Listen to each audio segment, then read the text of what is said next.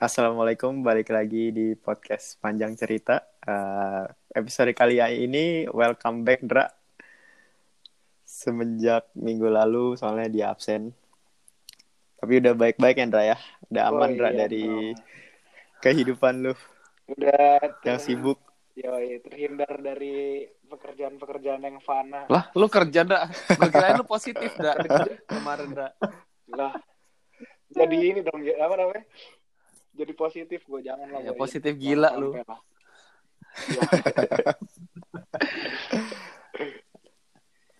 anyway welcome back. Uh, sekarang full tim lagi ada gue Axel dan Indra. Dan untuk episode kali ini ada tamu spesial the one and only Mas Miftah. Halo Mas Mif. Halo halo halo. Wah sangat sangat sangat senang sih bisa join di podcast kalian akhirnya. Yo, senang dan terpaksa ya Mas ya. oh jangan buat kartu lah. Enggak, enggak serius seneng enggak seneng. Soalnya kan kita di sini berbagi hal yang positif. Nah, nah, insya Allah. Betul. Semoga bermanfaat. Episode kali ini semoga bermanfaat. Nah, topiknya apa nih, Tur nah, hari ini nih? Kebetulan ada Mas Ifta nih. topiknya uh, apa tuh? Sebenarnya kita mau bahas tentang uh, proses untuk mendapatkan sebuah beasiswa ah, nih, Mas. Mifta ini kan salah satu ini nih beasiswa uh, apa sebutannya apa sih, Mas? Kalau misalnya pemen pemenang gitu, Mas? Award. Penerima awardee award awardee ya, awardee ya, awardee. Nah, awardee sebuah beasiswa ternama lah di Indonesia yaitu LPDP nih ya. Ya. Nah, tapi sebelum itu pengen ini dong Mas ceritain dikit kita itu kenalnya gimana sih?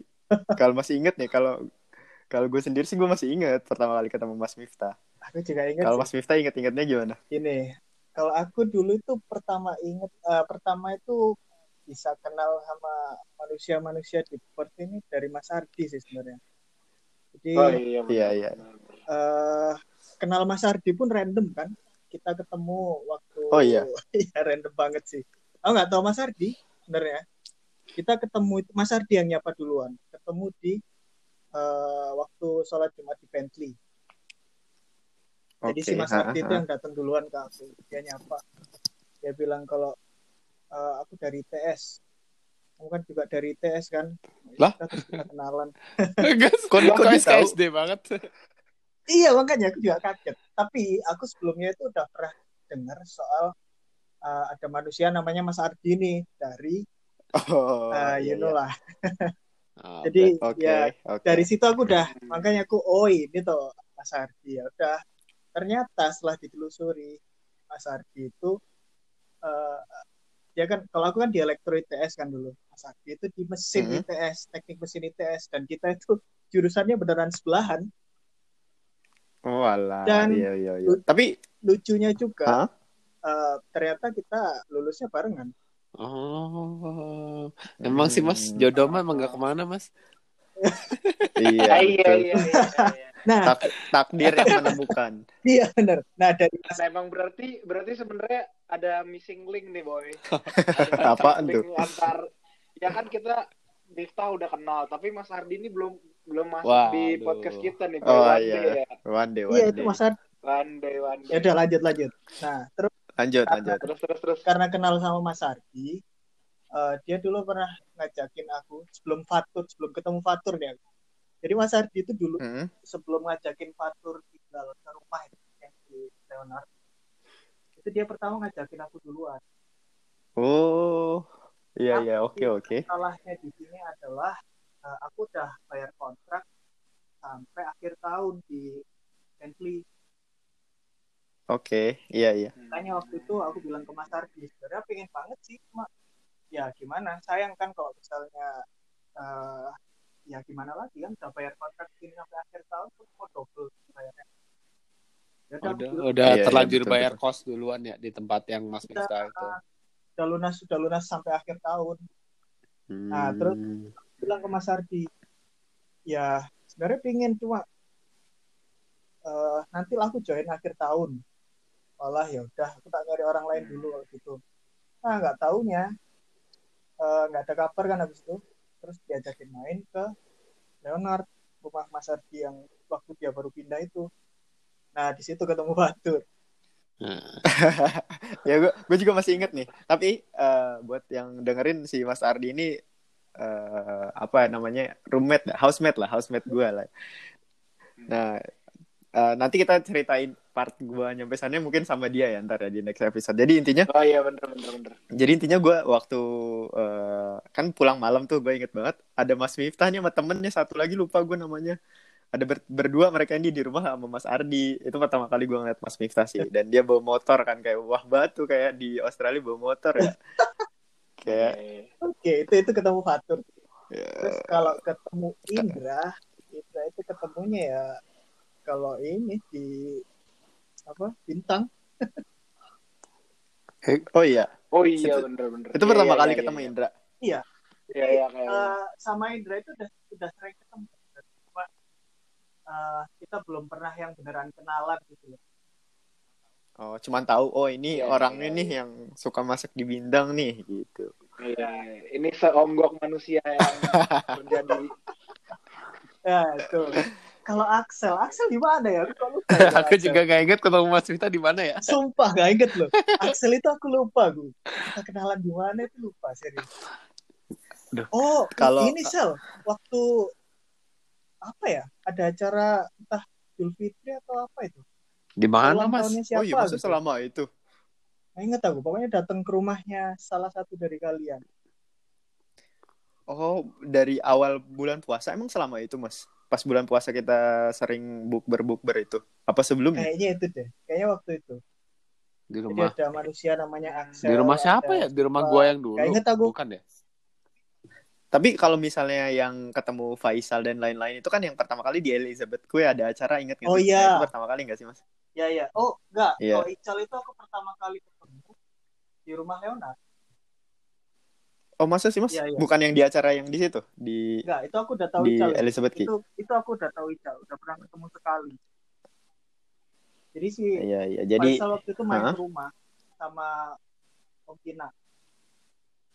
Oh. Oh iya masih ada Om Kinar. Ya. Ya, Jadi ya, intinya ya. Leonard ini mempertemukan seumat-umat kita dong berarti ini Mas.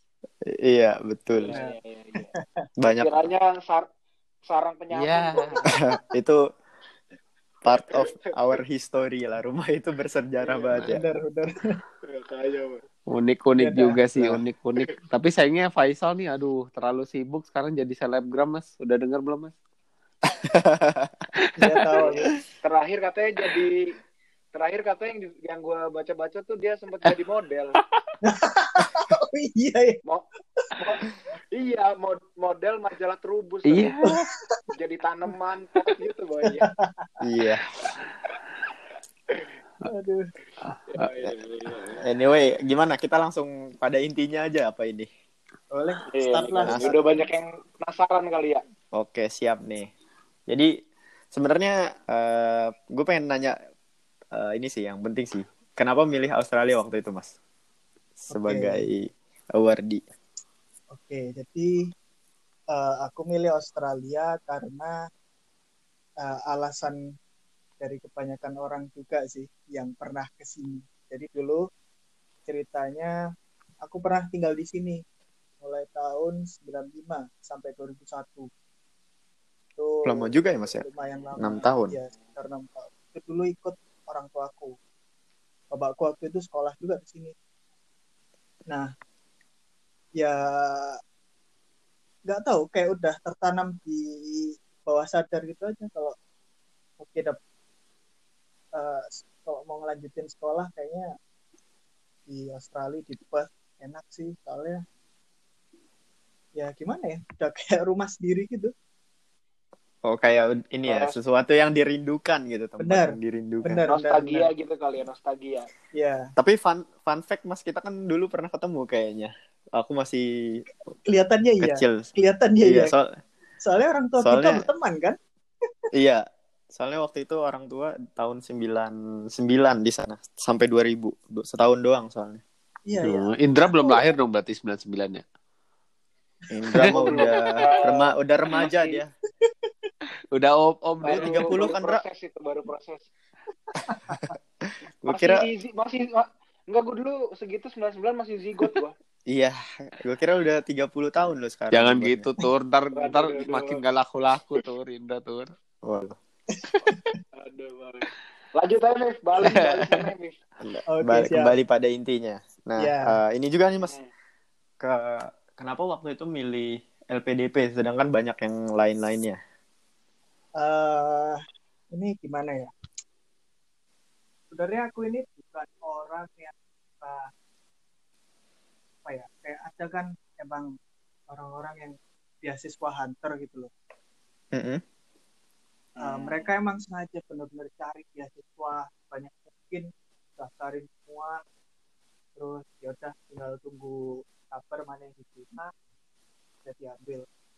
Kalau aku uh, bukan tipe orang yang kayak gitu. Kalau aku lebih ke apa ya ya apa yang pernah aku dengar aja apa yang aku familiar atau yang sering dengar.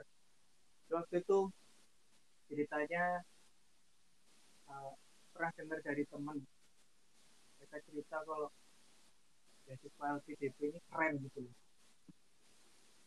terus penasaran sih uh, emang kerennya keren gimana ternyata setelah dicek uh, kerennya adalah beasiswa LPDP ini kan di apa ya di disediakan oleh negara kan. Jadi negara yang membiayai kita dari Menteri Keuangan. Terus yang bikin keren itu susah banget dapatnya. Jadi katanya sih orang-orang terpilih yang bisa dapat beasiswa LPDP itu katanya loh ya. Berarti kompetitif ya Mas? Kandidat ya? banyak ya Mas ya?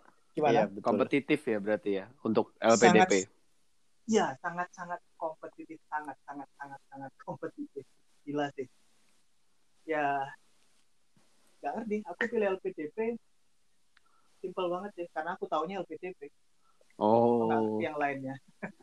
Jadi aku dengar yang ada di kepala aku itu cuma LPDP aja ya udah. Gitu sih. Nah, yang yang aku pernah dengar ya LPDP ini kan kayaknya ada dua program ya, Mif ya. Hmm. Yang satu itu di Indonesia, yang dua itu di luar Indonesia. Itu susahnya tesnya sama.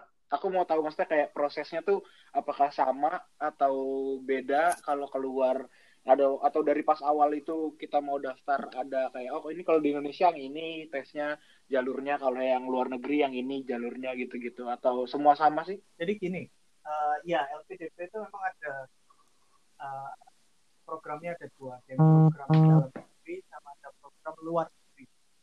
Nah, bedanya itu hmm. wah di bahasa aja. Jadi tesnya itu sama, semua tesnya itu sama. Cuma bedanya hmm. kalau yang luar negeri kita wajib pakai bahasa Inggris. Pakai bahasa Inggris Mas tadi, sorry. Iya, jadi Oke. Okay. Yang hmm. yang yang program luar negeri kalau kalian mau keluar negeri itu semua tesnya itu bahasa Inggris ya sama okay. harus mencantumkan itu apa IELTS ya itu aja sih bedanya hmm. Hmm. jadi tapi ya so soalnya sama-sama susah ya yang luar negeri maupun ke di yang di Indonesia iya sama sebenarnya sama persis tesnya itu hmm. jadi kalau LPDP ya kalau yang waktu tahun sekarang udah agak beda sih sebenarnya jadi ada ada beberapa tambahan tes lagi tapi ini aku ceritakan uh, apa yang aku alami aja kan Iya, uh, iya. LPDP itu ada beberapa tahapan. Tahapan yang paling pertama itu pendaftaran sama seleksi dokumen. Nah, hmm. uh, ya sesuai sama namanya sih. Seleksi dokumen dan pendaftaran ini ya kamu daftar, masukin semua dokumen yang dibutuhkan sama dokumen semua dokumen yang diminta sama mereka. Terus ya udah kita tunggu uh, memenuhi syarat apa enggak dokumennya itu sebenarnya dokumennya simple kok. Isinya itu kayak cuma uh, ada formulir pendaftarannya terus ijazah sarjana transkrip terus hmm. ada nah ini ada beberapa uh, kita disuruh nulis. Apa sih hmm. rencana studimu itu apa? Terus uh, apa ya kayak motivasimu apa? Ya gitu gitulah terus hmm. apalagi yang penting itu? Uh, ini ada tes kesehatan juga. Jadi kita harus hmm. dinyatakan sehat dan bebas narkoba. Terus ada juga SKCK hmm. ya udah itu sih itu yang penting-penting. Nah di sini uh, mas pengen nanya sih mas. Uh, kalau misalnya waktu seleksi dokumen itu legalisir dokumen itu uh, kita harus memiliki ini gak sih kayak udah diterima di universitas yang kita inginkan atau gimana? Nah itu enggak itu enggak harus. Jadi oh belum belum di saat apa uh, fase itu belum dibutuhkan ya? Uh, itu tergantung kamu. Jadi kalau LPDP nih ya khusus LPDP kalau yang lain aku nggak ngerti. Mungkin uh, beda-beda kan tiap beasiswa. Kalau LPDP itu kamu nggak harus punya LOE dulu jadi okay. kamu nggak harus udah diterima di sebuah universitas dulu baru bisa daftar LPDP enggak jadi uh, itu terserah kamu pokoknya kamu daftar LPDP uh, udah punya LOE atau belum itu bisa gitu. oke okay. hmm di sini satu. Nah, yang yang satu lagi nih, Mif. Yang sorry sorry gue potong lagi. Nah, yang satu ini masih masih tahap pendaftaran juga. Banyak yang nanya kan, hmm. uh, kalau baru lulus bisa langsung, maksudnya bisa langsung daftar nggak atau harus kerja dulu biar bisa kayak dapat nilai tambah ya atau atau gimana gitu? Kayak misalnya, oh mending kerja dulu deh, biar ada pengalaman. Nah, nah di pengalaman kerja itu bakalan jadi plus poin atau enggak? uh, di sini tuh apa pun yang positif akan menjadi poin plus buat kamu. Kalau aku sendiri kemarin uh, daftar LPDP itu lulus itu lulus S1 langsung daftar. Oh, oke. Okay. Gak ada jeda sama sekali.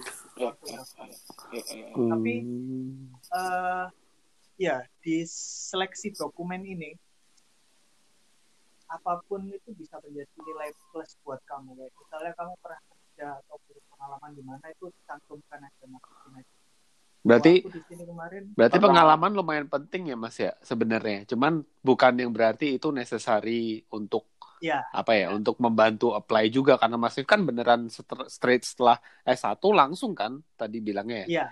Nah, sorry ya, Mas, ya. tadi nyebut nilai. Seberapa penting sih nilai misalnya kan untuk lulusan S1 nih ya buat orang-orang mungkin yang ngedengerin pengen ngambil S2 di luar seperti program Mas Miftah itu seberapa penting sih nilai yang apa didapat di S1 misalnya apakah itu berdampak besar untuk apa uh, jalan ke proses langkah selanjutnya kalau kayak kayak lebih lebih spesifiknya kayak oh IPK nah, iya. ini kayak gitu-gitu ada nggak sih? Oke okay, oke okay. ya itu pertanyaan bagus banget. Jadi gini uh, kalau kalau dari pengalamanku ya nilai itu sebenarnya nggak begitu penting buat tes apa pun tapi pasti ada batas bawahnya kan kayak seleksi dokumen itu minimal nilaimu kalau di itu kan pakai IPK kan ya iya iya itu minimalnya yeah, yeah. ya kalian tahu sendiri IPK minimal tiga. Iya. Nah cuma di sini uh, mau IPK kamu tiga mau IPK kamu tiga setengah mau empat itu gak akan mempengaruhi uh, kamu diterima sama beasiswa itu. Karena hmm. uh, aku sendiri ya aku sendiri nih. Ini nggak apa-apa buka-bukaan aja. IPK monggo monggo. oh. IPK aku itu nggak bagus sama sekali nggak bagus. Jadi uh, eh, IPK aku itu cuma 3,14 Oke. Okay. Kan nggak uh. bagus kan, standar aja. Ya. Tapi sudah banget lah. sudah ini ya kualifikasi lah ya, udah ter, udah bisa daftar ya. ya. Iya benar. Jadi kalau IPK kamu di bawah tiga, itu kamu nggak akan lulus seleksi dokumen. Jadi tiga ini untuk syarat hmm. aja, tapi nggak harus tiga setengah harus empat gitu enggak. Iya, iya. aku lolos. Hmm. Dan ya, ya, ya, aku juga uh, waktu kemarin daftar itu ada teman juga se, se, se, sejurusan. Dia IPK-nya tiga koma sembilan. Buset. pinter banget ya itu. Kumlot ya, kumlot. Sangat pintar. Kumlot. Cuma uh, sayang banget sih dia nggak lolos kemarin. Iya. Oke. Okay. Itu makanya di sini aku bisa bilang kalau nilai itu nggak penting. Apa jangan-jangan yang lebih dilihat tulisannya itu ya? Gini, yang, yang ya, dibikin... mungkin gini enggak kayak mungkin kalau menurut Mas Mif ya dengan pengalaman Mas Mif yang bisa tembus dengan poin apa IPK 3,14 Mas ya. Mm-hmm. Itu berarti apa Mas kayak saran dan tipsnya mungkin buat orang-orang yang mau apply itu apa sih sebenarnya selain nilai mungkin yang harus di apa ya diprioritaskan untuk bisa lulus tuh apa gitu loh selain nilai. Oke. Ya wes, aku lanjutkan ke tahap selanjutnya ini. Jadi tahap pertama tadi kan pendaftaran ah, dan yeah. seleksi dokumen. Hmm. Nah, ini jawabannya ada di tahap selanjutnya. Nah, di sini ada hmm. kalau kalian udah lulus selek, seleksi dokumen itu tadi, ada tiga tes waktu tahunku. Kalau waktu tahun yang baru ini ada empat atau lima tes. Tapi aku jelasin yang aku aja.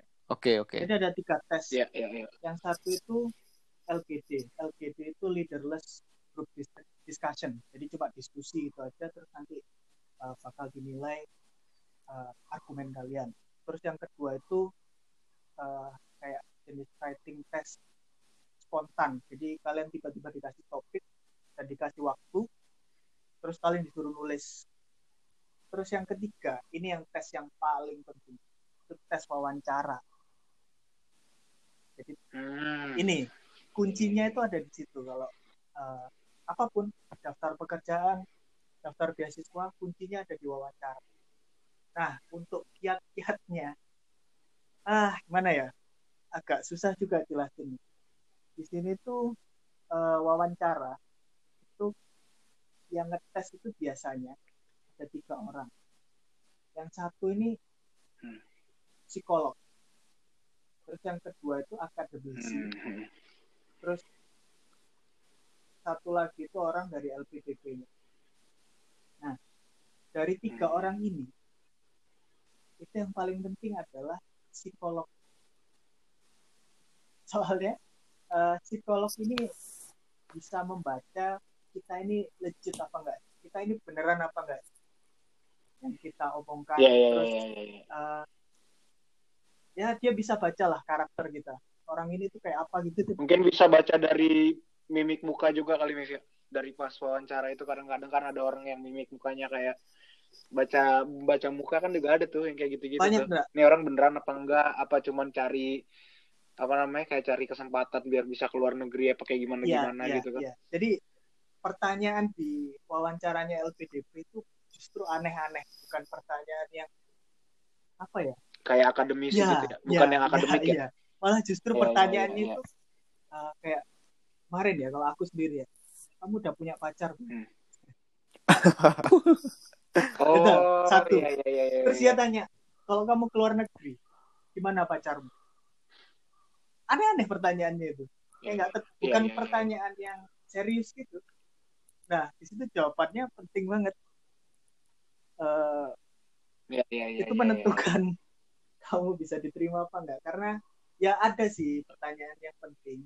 Cuma uh, di sini juga seimbang sama pertanyaan-pertanyaan anehnya itu karena memang di sini mereka membaca karakter kita. Hmm.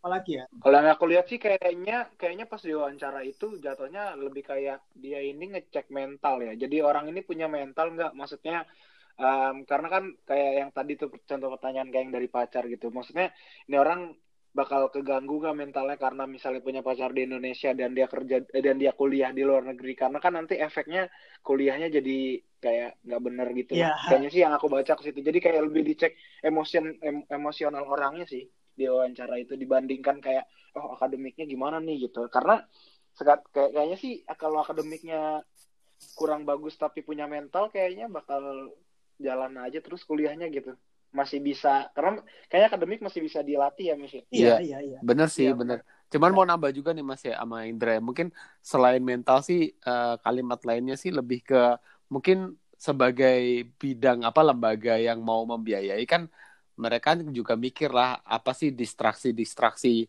murid-murid yang mau gua kirim ke luar negeri itu apa aja. Makanya mereka nanyanya seperti itu gitu loh. Iya, iya. Kayak bukan benar. bukan mental doang sih jatuhnya ya kan itu kan distraksi juga ya, misalnya ya. mungkin kalau ninggal keluarga, reaksinya kalau ninggal pacar, ninggal istri atau apa gitu ya. kan reaksi orang kan beda-beda. Mungkin yang dilihat ya itu apakah itu ya. bisa menjadi distraksi saat dia belajar S2 ya, atau S3 gitu sih mungkin. Sama ini juga. Terus pertanyaannya gimana ada lagi yang uh, ini sebenarnya ya pertanyaan standar wawancara sih biasanya. Cuma jawabannya penting banget. Jadi dia tanya, kenapa kok kamu milih di luar negeri? Kenapa kok nggak di Indonesia aja? Di Indonesia juga jurusannya ada. Terus fasilitasnya juga hmm. ada. Kenapa sih kok kamu malah lebih milih di luar negeri? Ya, itu. Itu pertanyaan uh, jebakan ya? Jebakan itu. itu kalau nggak yes, iya siap uh, kayak kejegal di situ ya fatal juga sih bisa nggak kalau jawab kalau jawabannya karena misalnya contohnya wah karena kota Perth itu bagus nggak nggak nggak nggak related terhadap akademik tentang kampusnya itu bakal mengaruh ya mas ya? Iya sangat sangat mengaruh jadi di sini jawaban kalian itu harus logis uh, harus gimana ya? Harus meyakinkan logis tapi juga apa ya? Nggak bertele-tele Iya, nggak nggak nggak nggak kedengeran ngibulin gitu ya mas ya. Waduh, gimana ya? Ayo buka buku, buka buku. Sebenarnya kalau mau kalau kalian mau bilang sesuatu yang belum tentu benar, ya nggak masalah. Cuma kalian harus membackup kalau misalnya ditanya lagi uh, seputar okay. itu, kalian oh, harus siap iya, jawabannya. Iya, iya, iya, itu loh. Iya, Jadi iya, kalau iya. misalnya iya, iya, kalian harus siap pokoknya sama ini juga uh, salah satu kunci. Kalau kalian nggak mau terlalu banyak uh, ditanya hal-hal random di sebuah wawancara kalian harus jadi gini kalau misalnya mereka tanya sesuatu oke okay, kalian jawab. Tapi di jawaban kalian itu kalian kasih gap. Jadi nggak harus dijawab full gitu loh. Kalian kasih bagian yang membuat orang itu pengen bertanya lagi. Jadi kalian arahkan si penanya itu. Bukan penanya yang mengarahkan kalian oh, tapi kalian yang iya, mengarahkan iya, iya, mereka. iya, iya, ngerti, ngerti, jadi ngerti. kalian udah siap iya, jawabannya iya, ngerti, gitu loh. ya ya ya ya ya maksudnya berarti uh, kita harus udah harus bisa nebak uh, pertanyaan dia tuh bakal ke mana. Jadi kita yang ngatur ngatur ini kita ya? Iya kita yang ngatur kita jalannya. yang ngatur iya iya ya, kita yang ngatur perjalanannya. Ya bener bener bener gitu. Iya iya iya ya. mereka bisa start duluan tanya kita. Uh, iya sih tapi kita nanti jawabnya harus ditata dengan baik dan kita harus kasih gap di mana membuat mereka itu uh, pengen tanya gap ini tadi tuh uh, jadi nanti uh, gap yeah. ini udah kalian siapkan jawabannya. Gitu. Jawaban selanjutnya. Terus gap yang itu pertanyaan jawaban selanjutnya disiapin lagi. Ya benar sih kayak gitu. Jadi bukan mereka yang mengarahkan kita tapi kita yang mengarahkan mereka itu itu salah satu kunci wawancara. Teknik ya sebenarnya kayak bisa juga di apply-kan di interview pekerjaan ya, juga pekerjaan. sih sebenarnya. Sama sama sama kok. Sama persis terakhir nih mas. Uh, apa sih ekspektasi uh, lembaga pendidikan terhadap uh, kita yang diberikan uh, privilege beasiswa itu. Okay. Apa yang harus kita uh, raih gitu? Uh, tiap beasiswa itu beda-beda. Ada beasiswa yang emang ya udah ini duit kamu sekolah, aku nggak peduli. Nah, pokoknya kamu sekolah kayak gitu aja. Terus ada juga beasiswa kalau LPDP ini uh, mereka mengharapkan timbal balik dari kita. Timbal baliknya itu dalam hal uh, kontribusi terhadap negara jadi kamu sekolah kamu tak kamu aku sekolahin di luar negeri nih. Nanti lulus kontribusimu apa? Kamu mau ngapain setelah lulus? Itu juga uh, jawabannya harus jelas dan masuk akal. Jadi kontribusi terhadap itu negara. akankah dicek kah mas sama LPDP-nya ketika misalnya udah dua tahun lulus nih di Indonesia apakah dicek progresnya seperti apa? Uh, sebenarnya sih enggak tapi uh, lebih ke arah kesadaran diri. Iya, kesadaran diri sih ya. Pokoknya nanti kamu kalau udah lulus, ya udah pulang kerjanya di Indonesia, ikut bantu membangun Indonesia. Kan kamu kerja di Indonesia kan secara otomatis juga ya membantu ekonomi juga. Iya betul betul. Jadi bukannya kamu setelah lulus di sekolah sama negara terus kabur ke luar negeri gitu. Nah itu uh, iya, iya, contoh yang tidak baik. Soalnya kan lu uh, membawa ilmu yang bisa diterapkan Indonesia untuk membawa negara lebih maju lagi lah ibaratnya. Iya, iya. Itu yang diharapkan seba tujuan uh, oleh mereka, sebuah lembaga. Iya, tujuan mereka adalah itu. Menyekolahkan kita keluar itu biar bisa mengambil ilmu dari luar negeri dan diterapkan di Indonesia. Indonesia. Thank you banget nih Mas Miftah. Uh, soalnya waktunya udah 30 menit. Oke. Okay. Uh, terima kasih atas waktunya. Sama-sama. Bisa semoga mudah-mudahan bisa ngobrol-ngobrol lagi di lain waktu. Siap, siap. Nambah, Mungkin ada tambahan dari Afsal atau Indra? Ayo Indra, apa Indra? Belajar nggak lu barusan? Gua... Dengerin nggak? Tahu. Dengerin gua, cuman kayaknya emang ilmu gua masih belum nyampe kayaknya. Enggak gini. Ya oke okay sih, maksudnya yang mau gua summarize aja ya dari the whole conversation yang barusan kita dapat dari Mas Miftah tuh intinya uh, berarti yang poin yang bisa kita ambil tuh mungkin nilai itu bukan segalanya untuk meraih beasiswa uh, yang partikular ini LPDP ya. Uh, tapi uh, lebih juga pengalaman uh, apa ya kita harus mempersiapkan diri sendiri untuk apa ya harus lebih jelas aja gitu loh alasan kenapa kita ingin belajar di luar dan kita harus punya uh, yeah. foundation yang strong untuk diwawancara tentang itu. Jangan bukan berarti kayak oh iyalah nilai gue udah bagus berarti pasti gue lolos. Nggak nggak sesimpel itulah yeah. maksudnya intinya. Ya, ya. iya sih betul sekali. Gimana anyway Indra ada tambahan kah atau sudah cukup? Gak ada sih gue Oke, okay. makasih banyak Mas. Thank you Mas Mif. Semoga bisa Sama-sama. bertemu di kesempatan you, lain. Amin. Looking okay. forward. Yoi. Mantap. Oke, okay, see you guys in the next episode. Assalamualaikum warahmatullahi wabarakatuh. Waalaikumsalam.